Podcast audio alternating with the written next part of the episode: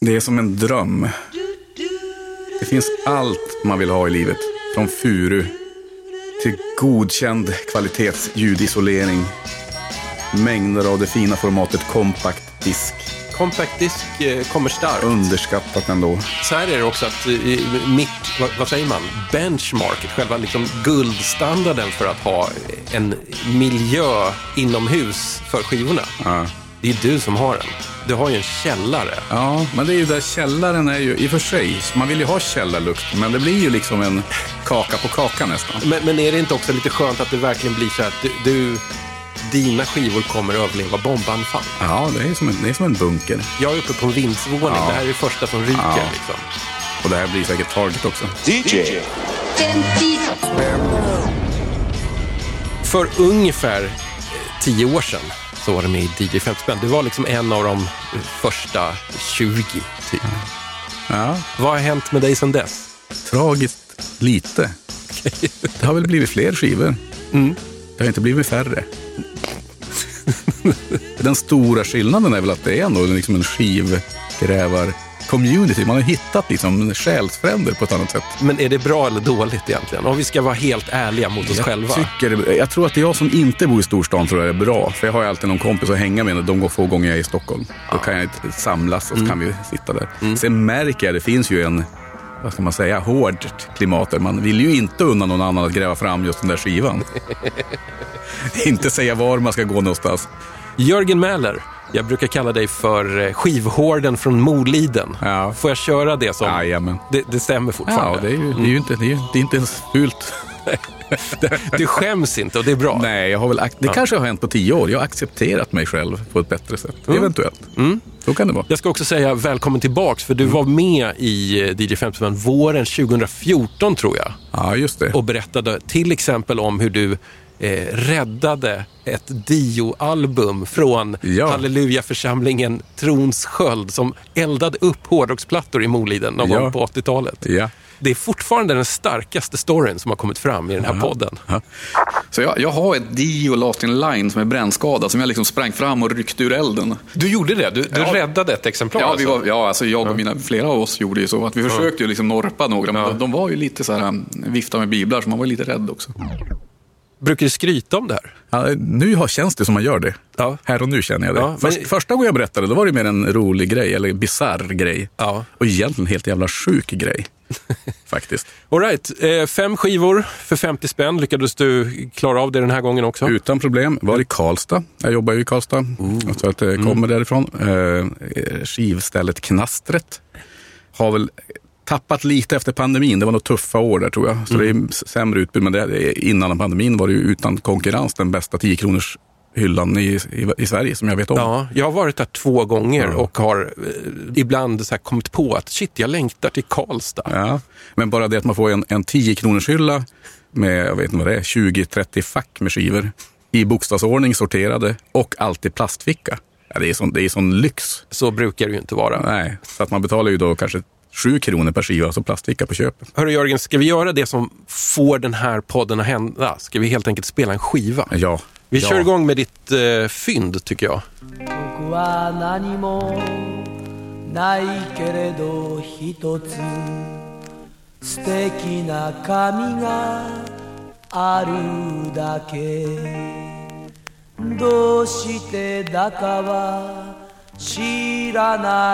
僕今は生きてる長い髪の毛がつかさばで髪を伸ばし綺麗な髪をすべすべ流れる素敵な髪を長く伸ばして花をつけてここまでそこまで至るところにへ僕のきな光り輝け。風になびいた僕の髪は飲みの住みかと鳥の巣汚れた髪素晴らしい。生きてる綺麗な髪の毛を伸ばして。僕の好きな光り輝けいつも僕の手ぐしゃぐしゃボサボサバサバサチョキチョキニョキニョキ高く伸びてくる花をつけたもつれ髪の綿のようにふかふかした髪にしたい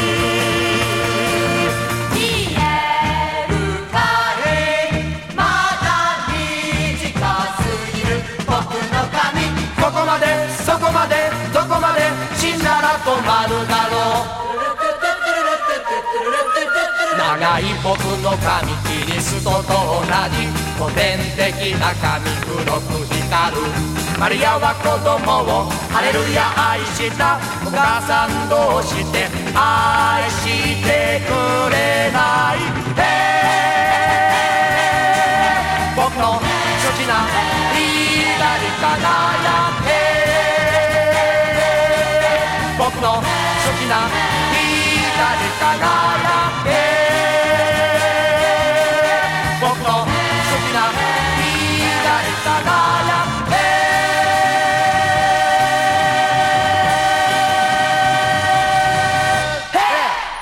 Fullkomligt underbart, men vad är det för någonting? Det är här, den original cast Japanese recording från 71. Det här är ditt fynd. Varför är det ett fynd? Man, man blir ju överlycklig när man bläddrar fram sånt här. Ja. Man, man ser här, ser man ju ofta. Ja, Den har verkligen. varit med kan, många gånger i podden Ja, ett par gånger faktiskt. In, inte så länge sedan senast. Då körde vi en tysk-tjeckisk variant. Ah. Alltså en tysk produktion med många tjeckiska musiker. Den lät rätt dirty. Alltså. Ja, den här lät ju lite sprallig och eh, check. Nu lyssnade vi på, på liksom själva titelspåret här, Ja. här. Det jag gillade med den här var att man fick en liten sån här eh, det låter taskigt att säga det, men jag menar på ett bra sätt. Att den hade en liten så här, amatörfeeling, lite så community-teater. Eh, förstår du vad jag menar? Ja, absolut, och man undrar ju hur, hur stor Ja. musikalen var i Japan 71. Ja, Fanns, det, fanns det musikalartister eller tog de det som fanns? är det inte så här med Japan att allting som är häftigt i omvärlden, det, det anammar de? Ja. Så jag gissar att, att här kanske var lika stor i Japan som det kanske var i Sverige. Antagligen. Här i Sverige så hette den ju Hår. Ja. Och så hade man Kisa, Kisa Magnusson och Uffe Brunnberg och lite andra sådana där sköna typer. Också väldigt fint. Ja. Har du någon relation liksom till Hair, musikalen Nej. eller filmen? Jag minns att jag såg den som ganska liten på SVT. Och då tror jag den, den tog nog hårt.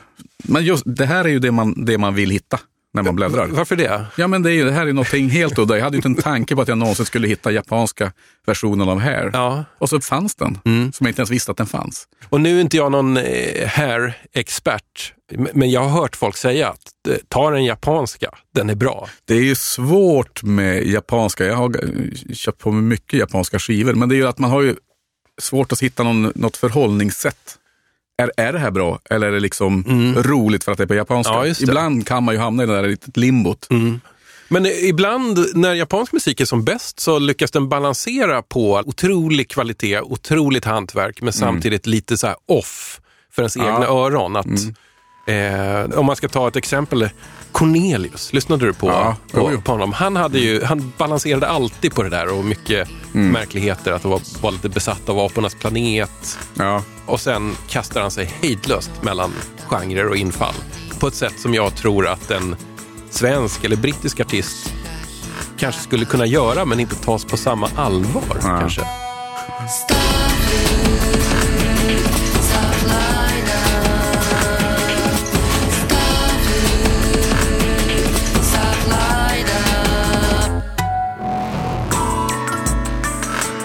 Nej, Jag kan säga, enda gången jag var i Japan så var ju det en ynnest att gå på japanska skivaffärer. Du har varit där, för det, Ja. det kan jag ibland fantisera över. Mm. Nej, vi var på, jag var på bröllopsresa till och med. Så att vi var och eh, bara gå in på en skivaffär och ha de här eh, japanska superhippa skivaffärsbiträdena.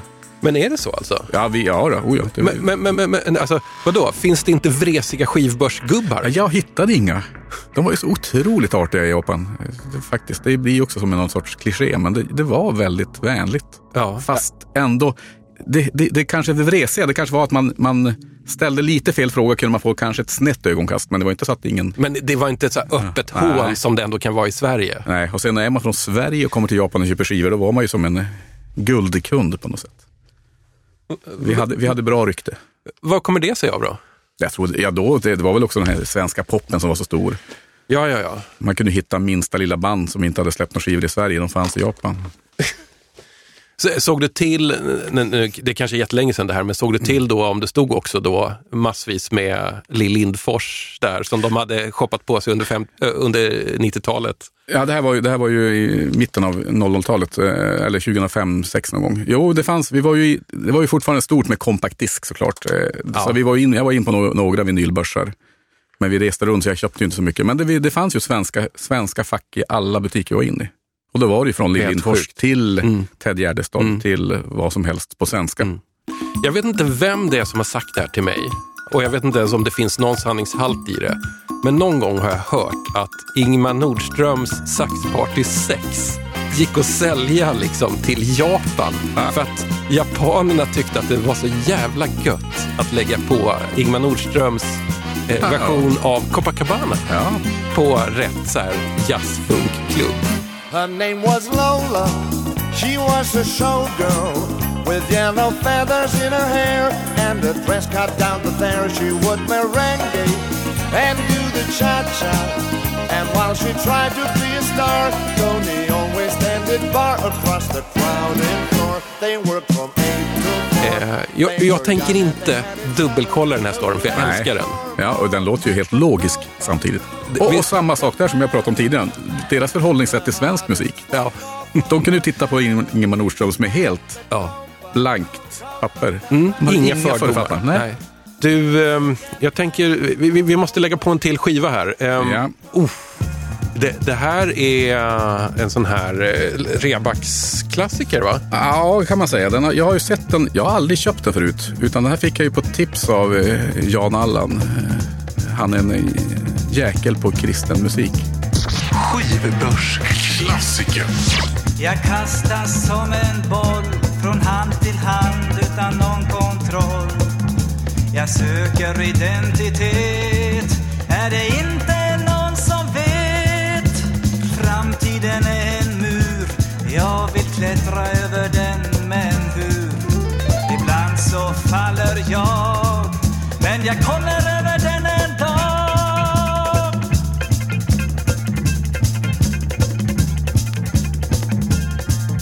Jag går i en labyrint och i den jagar jag så blint. Jag söker identitet, är det inte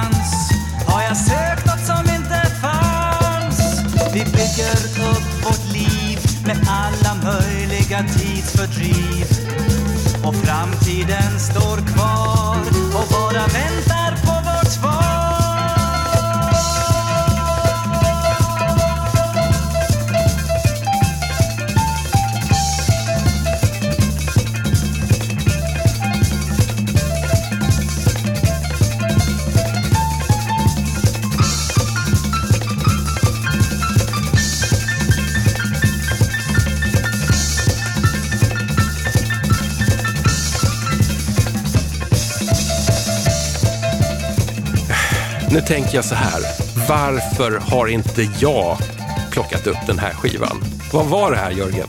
Det var Anders Karinger och hans skiva Cellstoff. Utgiven på Vish Visa Grammofon AB.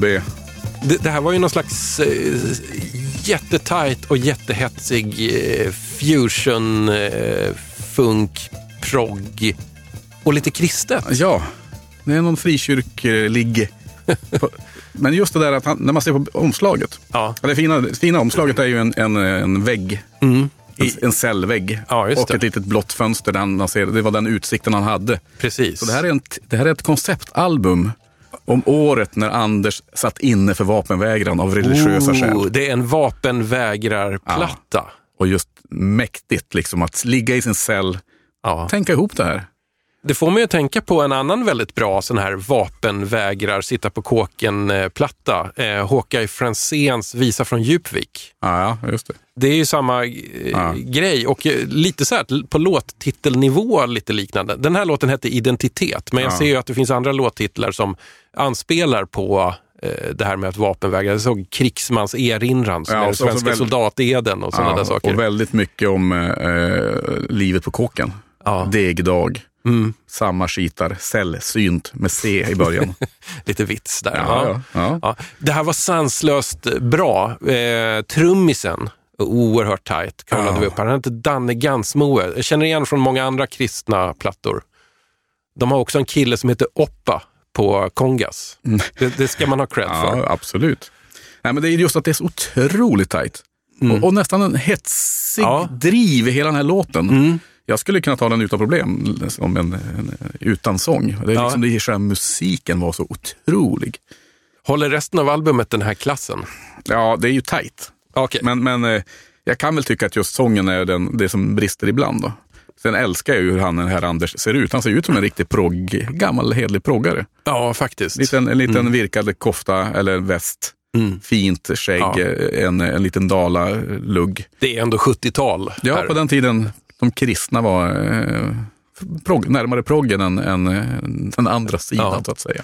Men Jörgen, du bor ju i en eh, bygd som åtminstone har varit väldigt frikyrklig. Mm. Har det hjälpt eller skälpt dig att få en ingång till kristen musik? Ja, den, det har nog skälpt mig, för det var man, ju, det var, man vägrar ju totalt väldigt länge. Jag hade ju inte så jättemycket med det där med, med frikyrkan att göra. Utan det var ju, man märkte när man kom på gymnasiet och flyttade in till stan, eller gick i stan, jag bodde utanför. Mm, just det. Och stan i det här fallet är Örnsköldsvik. Övik. Mm. Ja, och då, då, märkte, då träffade man ju klasskompisar som hade varit uppfostrade i frikyrkan. Mm. Och, och ofta, de jag hängde med, de hade väl då avvikit från vägen, så att säga. eh, sen gick man ju inte på loppisar på det sättet på den tiden. Man brydde sig inte om gamla frikyrkor. Nej, Sen när jag började, började fundera, då, alltså, det, det, det, det är gott om, gott om kristen musik på loppisarna i ja, ja, ja. Om jag behöver komplettera så Ja. kan jag, kan jag med fördel ta mig Ja. upp dit och hitta det Ja, jag inte har. Det har börjat bli tunnare faktiskt. Det är som att det märks att det, folk, folk börjar köpa på sig de där, tror jag. För att det, Ja, det är inte alls samma. Förut kunde man ju i princip gå ut och hårda en jättesäck Ja. utan problem. Bara plocka på sig bra. Just det. Men hur ser din eh, liksom, eh, relation ut till kristen musik idag? Ja, det är mer det här. Ja, det är ju att hitta de här små... Mm. Jag gillade ju inte studiomaffiamusik eller förut. Nej, När jag växte upp, jag var ju en alternativ. just det. Lite indieskrammel. Och, Indie och ja. punk och sånt. Mm. Det, det var ju liksom, det var ju det fula att gilla. Det här är liksom fusionaktigt ibland och det blir ju otroligt tajt och sånt. Mm. Men det är en tröskel man måste tvinga Ja. sig över, eller hur? Ja, och sen när man, är, när man är där, då är det ju bara oj, det här tar ju, ja, men det här tar ju själen. Mm. Det tycker jag. Jag har ändå försökt tänka lite vad det är för någonting som får mig att fortfarande chansa på svenska kristna plattor. Och då tror jag att det är att någon gång under eh, mitt liv, liksom i vuxen ålder, så eh, började jag ändå gilla mm, när man hörde att den som sjöng verkligen trodde. Och den övertygelsen kan bli väldigt tydlig, för att inte säga övertydlig, i kristen musik. Men eh, det här är ju egentligen inte smygkristet, men jag vet inte, du ser att det står en Arne Kvick och Snoddas EP där. Ja. Där de sjunger bland annat Barnatro. Har du kvar din barnatro ifrån hemmets lugna bo kan du bedja en som förr du alltid bad. Gud som haver barnen kär, se till mig som liten är. Gamla mor då känner sig så nöjd och glad. Barnatro, barnatro, till himmelen du är en gyllene bro. Barnatro. De, ingen av de här sjunger ju särskilt bra. Nej. Men de sjunger faktiskt med sån ärlighet. Att man hör att både Snoddas och Arne Kvick, de tror på barnatro. Och då blir det väldigt fint, även om det är eh, alltså rent musikaliskt är rätt uselt, så är det fortfarande bra. Ja. På ärlighetsnivå. Jag tror att fan sitter jag och säger? Ja. Jag tror att precis så kände jag när jag hittade sån här gammal riktig gospel, amerikansk. Ja. Man hittar någon kyrka som har gett ut en skiva, någon privatpräst. Då, kan jag känna, då kan jag känna då kan jag känna den helige ande i mig. Ja. Eller så då kan jag känna, känna det här berör. Just det. Jag känner inte riktigt det när jag hör på eh, svensk kristen musik. Nej. Jag- Det är liksom tajt och fräscht. Och jag, jag skulle ju inte köpa de här för 100 kronor. Nej. Det finns säkert någon som vill eh, ha perfekt eh, ljudbild och tycker det här är bra. Det, där är inte jag. Utan jag, det är mycket beroende på också att det fanns ett sånt enormt utbud på 10 Ja. Mm. kronors. Därför börjar man ju plocka på sig dem. Just det. När tog du senast fram en kristen platta ur din eh, privata samling hemma och tänkte att nu ska jag lyssna på den här?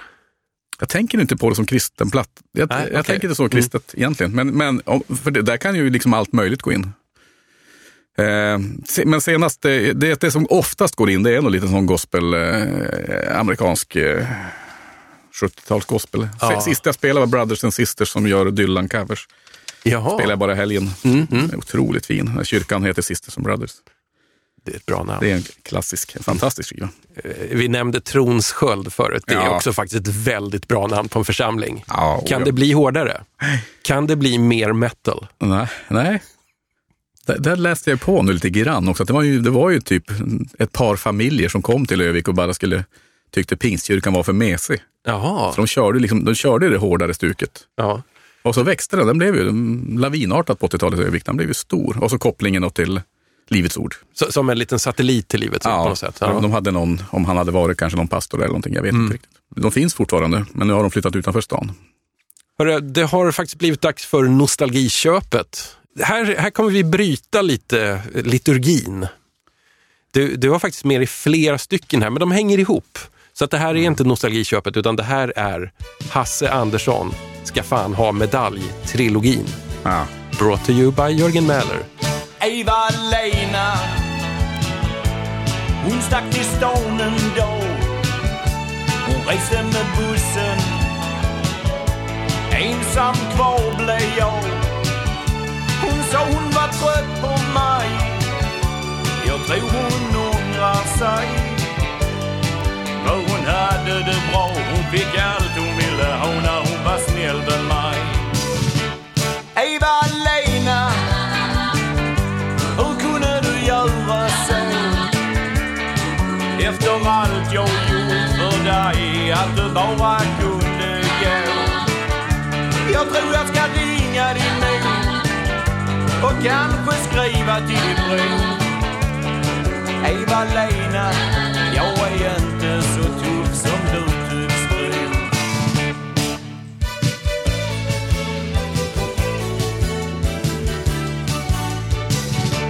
Visst fick du jobba hårt från morgon till kväll och nog har det hänt någon gång att du har fått en smäll tänk på presenterna som du fick varje jul och när jag spelade munspel då sa du att du tyckte jag var kul Eva-Lena hur kunde du göra så? Efter allt jag gjort för dig, att du bara kunde gå. Jag tror jag ska och kanske skriva till din bror. Eva-Lena, jag är inte så tuff som du tycks tro.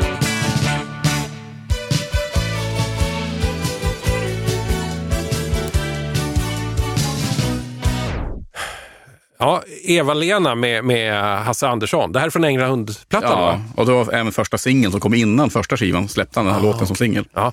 Jag kan ju börja med varför det är nostalgi. Och det är ju, eh, därför att jag, jag, väck- jag var ju typ tio år när, när han slog igenom. Jag tror att den första konsert jag var på i mitt liv, det var Hasse Andersson på Junsele djurpark 1982. När han körde Mm. Änglahund. Och det som är fascinerande med Hasse Andersson, den här godmodiga, tjocka skåningen som bara vill liksom nypa i kinderna. Ja. Skriver så mörka texter, sådana kvinnoskildringar jag, jag sitter och funderar hur han ens kommer på det här. Liksom, de skriver om kvinnomisshandel i en ganska liten, då, glättig, glad country-skrud. Mm. Och jag tänkte när jag fick de här skivorna när jag var liten, då, för jag älskade ju Hasse Andersson som 12-åring. Mm. Jag satt ju och sjöng med i Berit och sjöng med i alla de här. Och han är ju expert på att göra eh, låtar med kvinnonamn. Mm. Jag har ju märkt, jag har ju följt han nu med sina andra. Min Ja. son älskade ju Guld och gröna sk- skogar, heter han ju. Japp. Och då börjar det komma gamla, nya utgåvor på samlingar. Och då är inte de mörka låtarna med längre. Ja, de är, de, De har ju de sorterat bort, ja, det här är för barn. De kan inte, kan inte dela med sig av miss, kvinnomisshandel och Nej. självmord och sånt. Utan, Men för den här låten var ju lite speciell. Den är Ja. jättetrallig, det är en perfekt dansbanerökare. Eh, den låter jätteglad, men den är ju... mörk. Och det är ju, det är ju en, en man som inte kan förstå varför Eva-Lena har lämnat han och dragit till stan. Ja. Ja, Ja, I andra versen så eh, åker hon på en smäll. Ja, men det är, jag måste ju läsa liksom in, in, ja, exakt, innantill. Han sjunger att jag, jag tror hon ångrar sig för hon hade det bra. Hon fick ju allt hon ville ha när hon var snäll med mig. Ja. Och sen i nästa vers då, hon fick jobba hårt morgon till kväll. Men då har det hänt någon gång att du har fått dig en smäll. Och, Och så har vi de här la la la körerna där i bakgrunden. Ja, det Men blir att lite speciellt. Mm. skriva den här låten, ja, det är ett geni. Ja. Hasse Geni Andersson. Men du har, du har ju fler kv- Ja, Kvinna ska vi- ska vi Böske, ta Hasse här. Ska vi ta en till? En, en snippet till här med, med eh, fan var det någonstans? Ja, det- Jag ville ha Rosmarie här. Ja, Jö- Jörgen sitter här och bläddrar febrilt i en bibba Hasse Andersson-plattor här. Jag, är- jag blir alldeles darrig alla, alla starka. Ja. Men vi är alltså inne nu på, på Hasse Anderssons kvinnoporträtt. Ja, exakt. Som, som, viktiga... som inte är så här guld och gröna skogar. Låt två. Eh, lighta. Nej. Här kommer Rosmarie då. Också en fint, struttigt intro. Dire Straits-inspirerat. Ja. Baren på hotellet i stan. Hennes ögon är trötta fast hon sovit hela dagen. Då kommer en man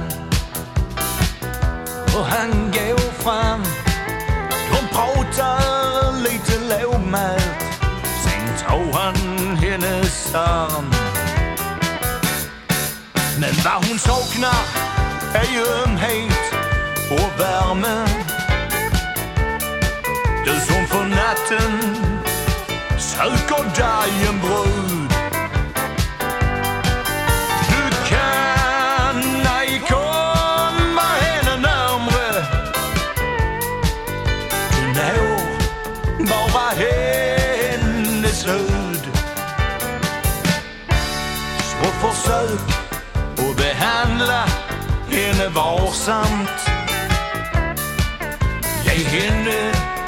Lite ömhet och var snäll.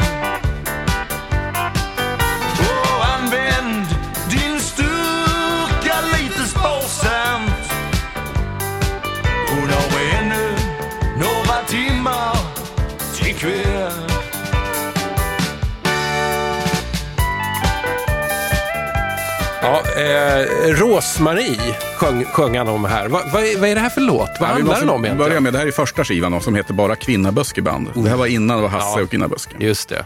Du Men- ska inte kasta sten-albumet. Nej, men det, här, det här måste ju vara Hasses eh, inlägg i prostitutionsdebatten på något sätt. Jag vet inte hur det var där i sent 70-tal, början av 80. Men Nej. han sjunger ju om den här kvinnan som sover hela dagen. Trött i ögonen fast hon har sovit hela dagen. Hon sitter i hotellbaren och väntar tills det kommer män.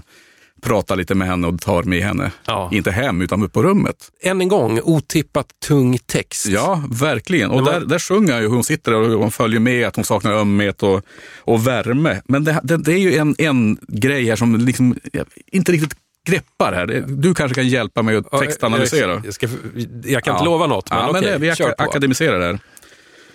Eh, Så försök att behandla henne varsamt. Mm. Ge henne lite ömhet och var snäll. Mhm. Använd din styrka sparsamt. Hon har ännu några timmar till att jobba ikväll. Gud, det här lite grann spränger skallen på mig. Aha. Jag har aldrig riktigt upptäckt den här dimensionen i Hasse Andersson. Du hade kunnat göra en novell Ja. det här som hade varit... Exakt. De här skivorna är ju novellsamlingar. Det är, varje historia är otroligt stark och den starkaste av dem- alla är ju Berit. Är, är det den som, Den handlar ju är om det den som du Berit. sitter och laddar upp Ja. för nu? Och det här är ju från då albumet Annat var det förr, eh, som kom 81. Den här fanns alltid med på Hasse Anderssons Best of-skivor. Mm. Fram till han slog igenom för barn. Då försvann den. Ja. Lördagen den 5 november Berit vaknar i sin säng Ligger kvar där ensam och tänker och ser ut genom en trasig persienn Hon tänker på flickorna på jobbet Hon undrar hur de har det nu Tänder dagens första cigg När klockan på sängbordet visar fem över sju Berit hon vaknar alltid ensam Lika ensam som hon somnar i. Det känns tungt när nattens skuggor faller Och ibland har det hjälpt med ett glas vin Vin och tabletter som söver Det kan döva en svidande själ Men Berit, det var hon som blev över Fast hon var snäll och ville alla människor väl. En strimma ljus genom ett hål i persiellen Når nu fram till hennes arm.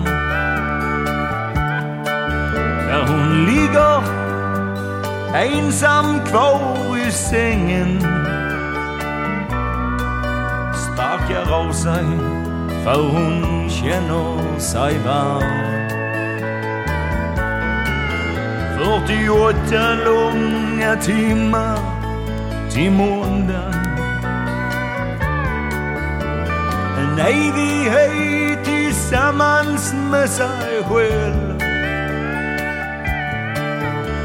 Förutom en burk med tabletter. Och en bok om den konsten att kunna hjälpa sig själv.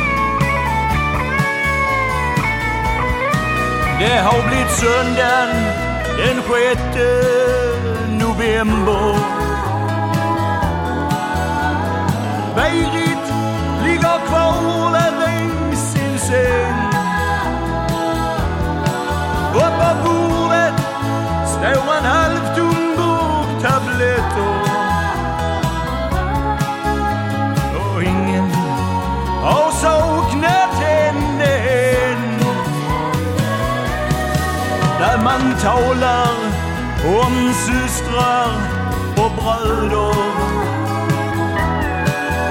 Om att älska alla och envar. Men Berit, det var hon som blev över. Så även måndagen den sjunde ligger hon ensam kvar. Ja, Berit, det var hon som blev över. Så även måndagen den sjunde ligger hon ensam kvar. Det här är tungt. Alltså, jag, nu vet inte jag var jag ska börja riktigt. Det här, kan- det här kan- var dark and heavy, Hasse kan- Andersson. Vi kan börja på, på Hasses skivomslag. Han skriver ju ofta lite grann om sina låtar också. Väldigt Mm. sympatiskt i, i, i texthäften och sånt. Och på den här låten, där gissar jag att Hasse har läst någon artikel någonting om en, en ensam kvinna som har tagit livet av sig. Och lever sig in i hennes Ja. mörker på något sätt. Ja, det här är så gråmörkt. Ja. Det är så eh, socialrealistiskt och genomdeppigt. Ja.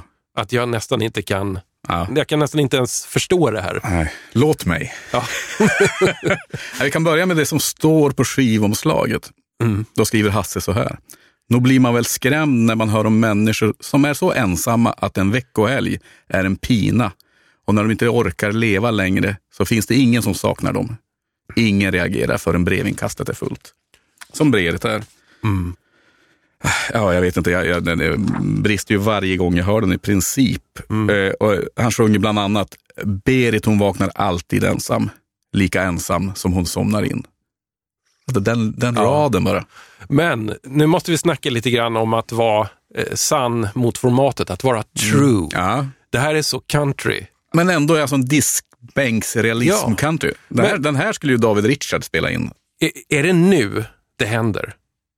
Är det nu som den stora uppvärderingen av Dark Hasse Andersson kommer? Ja, man hoppas. Mm. Man hoppas. Du har fått mig att se en lite annan dimension i eh, Hasse Andersson. Och det här är inte de enda exemplen. Varje skiva, liksom, det finns de här äh, små novellerna Mm. om ett livsöde med något litet brustet i ögonen. Ja. Och som ofta kvinnor eller idioter och svin till män som behandlar kvinnor illa. Japp. Där, där kan han liksom trycka till. Men hur hittade du fram till det här? Ja, jag hittade ju via Änglahund. Jag älskade Hasse Andersson. Ja. Och sen, jag minns att jag satt och lyssnade på Berit när jag var liten, men jag fattade ju inte ens vad det var. Men när upptäckte du den mörka Hasse Andersson? Han har alltid funnits där på något sätt. Mm. Och jag har alltid försökt att gå i försvar, för han har ju varit lite hånad och Absolut. utstött och liksom lite larvig och så. Mm. Men Det är ju för att vi inte har sett hela Hasse. sen är, verkar han ju vara en enormt sympatisk människa i stort också. Ja, ja, ja. Jobbar med handikappade barn och Ja, liksom ja. ägnat ett liv åt att vara snäll faktiskt. Ska vi hämta andan lite grann här med din Ja. random-platta? Här kommer en tolva.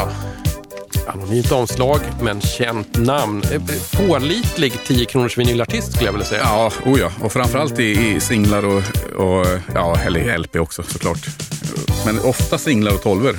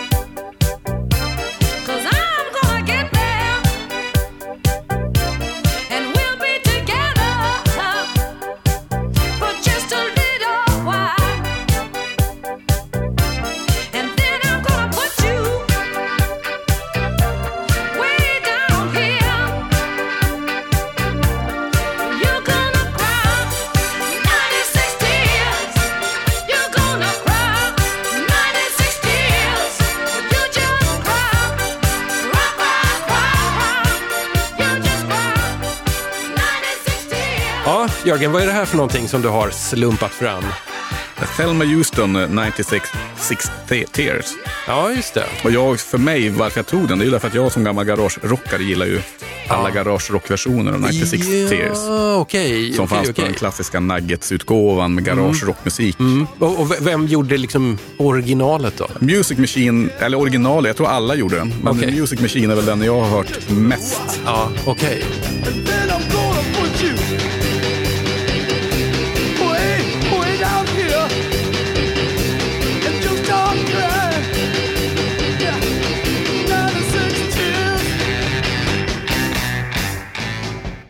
Och det finns en jättefin liten uh, utgåva med dem också. Men, Mm. eh, men det är ju det, den som fanns. Egentligen köpte man ju inte de skivorna, utan man köpte ju den samlingen Nuggets. Ja, Sen kom det. ju som en fin CD-box på 90-talet och blev det ju utökat. Men, Mm. För eh, CD-box-gubbarna. ja. Men i grunden tror jag att det är en gammal soul rb låt Så det finns ju sådana gamla versioner från tidigt 60-tal. Mm. Ja. Hörru, en kort, en ja. kort nu, nu bara slog det mig. Eh, original garageversionen, Music Machine är min favorit, men jag tror att det var Question Mark and the Mysterian som gjorde den. Ah, Just det. Jag bara Mm. kände ju att det var något som gnagde här. Mm, det måste ut. Ja, det måste ut. Sanningen ska fram. Sanningen ska fram. Mm. Vad tyckte du om Thelmas version då? Ja, man tänkte ju lite frikyrkofunk. Ja, Alltså, det, det, nej, jag tycker att det är en, jag noddar med lätt. Ja.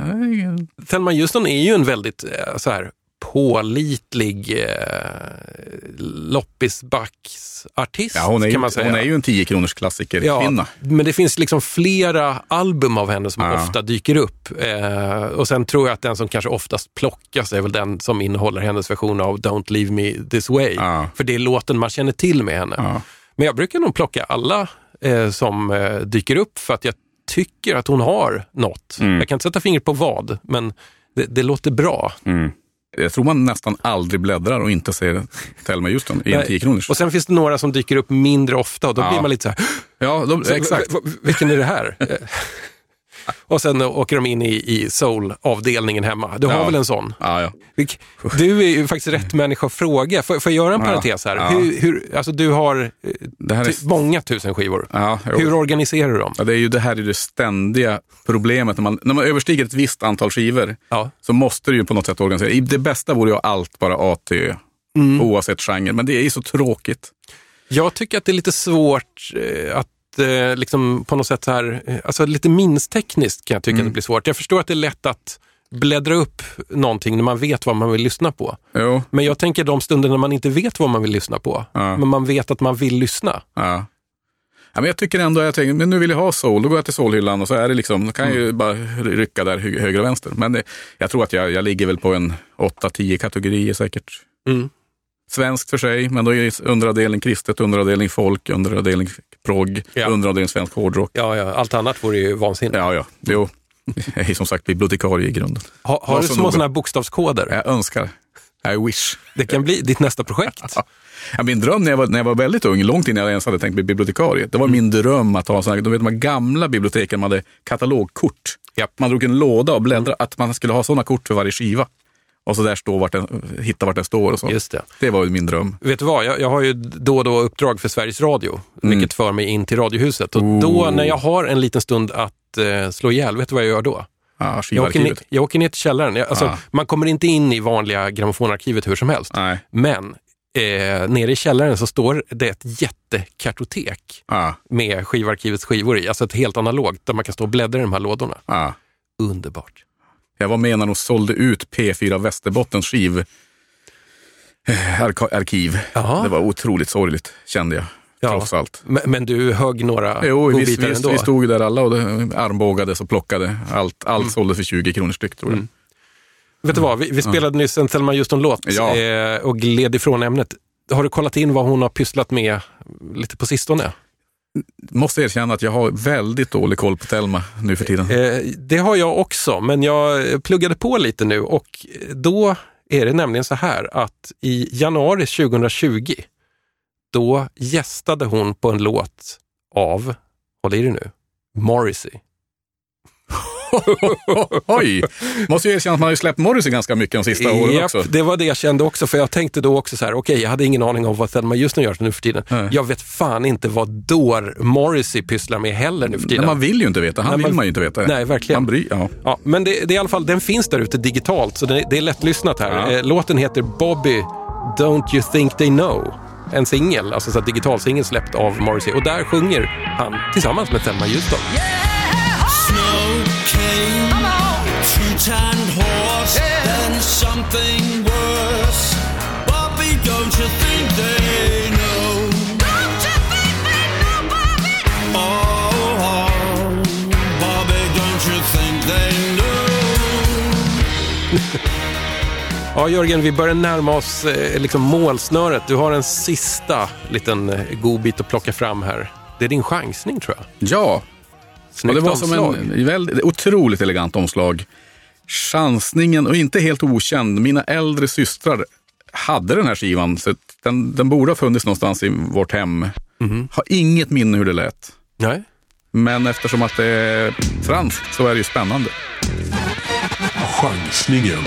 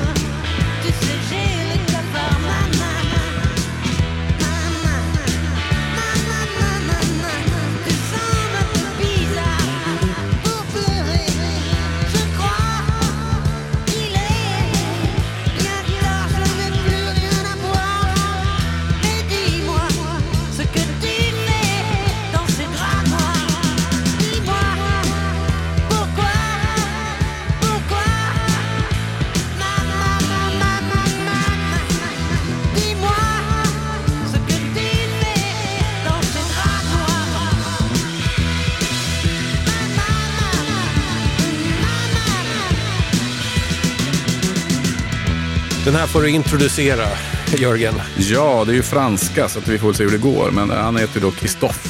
Mm. Eh, Christophe.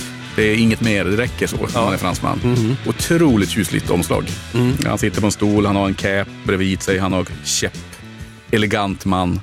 Och eh, den, skivan heter Les Paradis Perdus eller något Ja, sånt. Vad kan det betyda? Alltså det förlorade paradiset kanske? Mhm. exakt. Och den här låten hette Mama. Mamma. Och det som var roligt, alltså jag känner igen den här från mina systrar.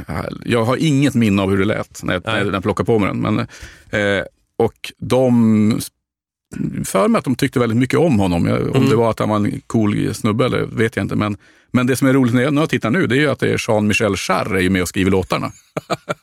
och det hördes ju.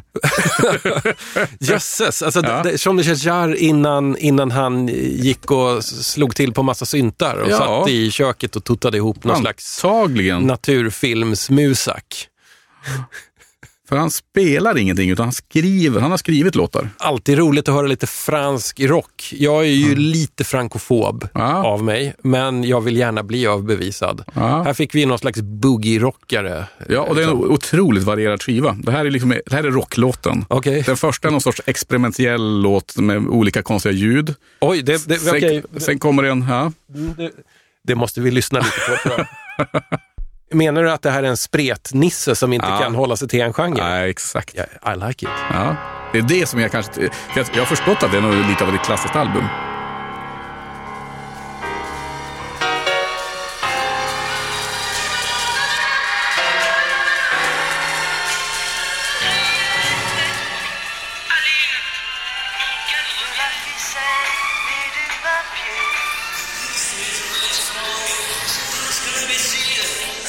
Ett, ett sånt litet montage från början.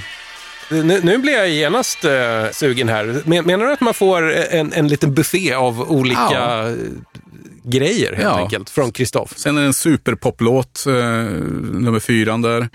Jag tror att det kan ha varit hitten.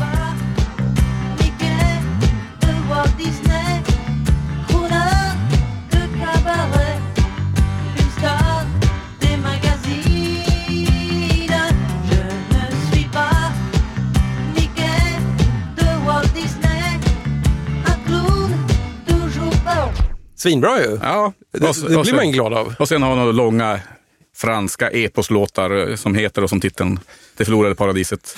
Okej. Där, där han sjunger i typ fem minuter och sen börjar rabbla amerikanska pophits från 50-talet på slutet. Av någon outgrundlig anledning. Mm. Ja, Okej, han är- okej. Ja. Det här var starkt tycker jag. Jag blev glad. Det är också Mm. väldigt glad att hitta. Det är ju det här det handlar om. Alltså g- glädjen i billiga skivor Ja. och så hittar man någonting som är, vad i helvete är det här för Annorlunda. platta? Ja, Hur funkar det franska med dig?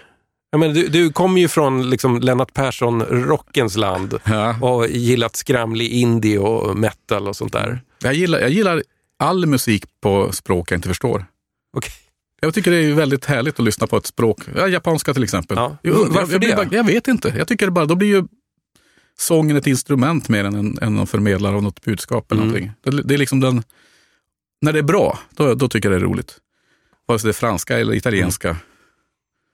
Har väl till och med hört någon tysk låt ibland som kan vara rolig. jag, måste, jag måste bara ta den sista här. När man handlade skivor på Knastret i Karlstad. Ja, nu håller Jörgen upp någon grej här, en slags nyckelring med ganska stor, ja, Ja, stort en- hänge på. En nyckelring, den är 5 cm gånger 1,5 cm, en plastask. Som det står knastret då på och tänkte, ja men det var ju här får du för du köpte mycket skivor, sa han. Ja. Med ett litet leende. Ja. Sen när man öppnar på den, då ligger det något som, ja jag vet inte vad jag ska säga, men det är en kondom i. Det här måste vara världens mest missriktade giveaway. Ja, jag tänkte, Skivnörds eh, kondomförbrukning i förhållande tror jag inte är den största i världen. Men, ja, ja. Vad vet man? Ja, vad vet man? Alltså, jag menar, en vacker dag så hamnar du på så här hemlig skivgrävarsällskapsfest och så får du reda på att precis som i Ah. så är det någon av skivgrävarna som är känd under täcknamnet Häradsbetäckaren. I don't know. Nej. Tillåt mig vara skeptisk. Ja, du, du får vara skeptisk. Det är bra att vara källkritisk där ute. Ja. Men det är också roligt att tro. Ja. I want to believe. Det blev nästan en magiska slutord där, Ja. men det är inte riktigt slut. Eh, om du lösgör dig från dina hörlurar så kollar du långt ner i, eh, i skivhyllan där och så kolla efter ett James Last-fack. Där, där, där. Ja, slumpa en bara. För det kommer du väl ihåg Jörgen, att, Ja, ja. att eh, när man checkar ut från DJ 50 spänn, då får man en käftsmäll fast i örat av en tysk väldigt fint omslag storbandsledare. faktiskt. Ovanligt snyggt för att vara en James Last-omslag. Ja, det här är lite halv-rare James Last, The Love Album. Ja, den har jag Eh, aldrig sett förut. Alltså, det är ju såna här kärlekslåtar, men de har också klämt in Aquarius from Hair. Se där. Konceptet höll till 90 procent kan vi säga. Jag drar lite titlar så får du säga stopp när du är en som du blir sugen på. Ja. Theme from Love Story.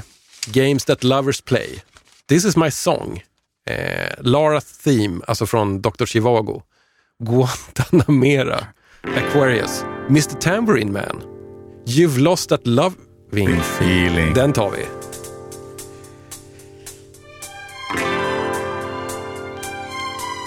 Hur, hur är ditt förhållande till James Last numera?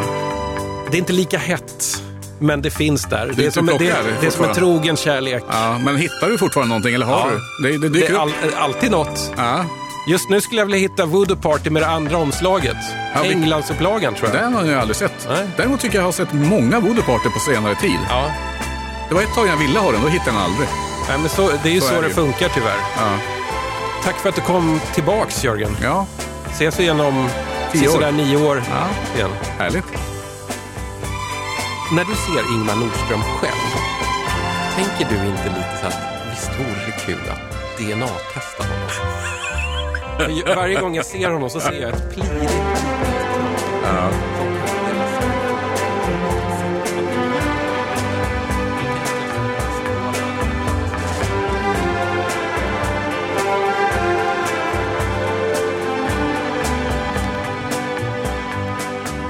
Det här var avsnitt nummer 179.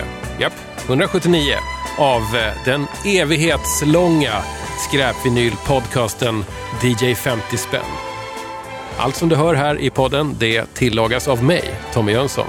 Och jag vill ta och passa på att påminna om att DJ 50 spänn, det är en ideell, oberoende, super-indie-podd som görs vid sidan av storbolagens rovdriftsprodukter. Och om du sitter nu och lyssnar och känner att yes, det här vill jag supporta, så kan du göra det genom att bli Patreon till eh, DJ 50 spänn.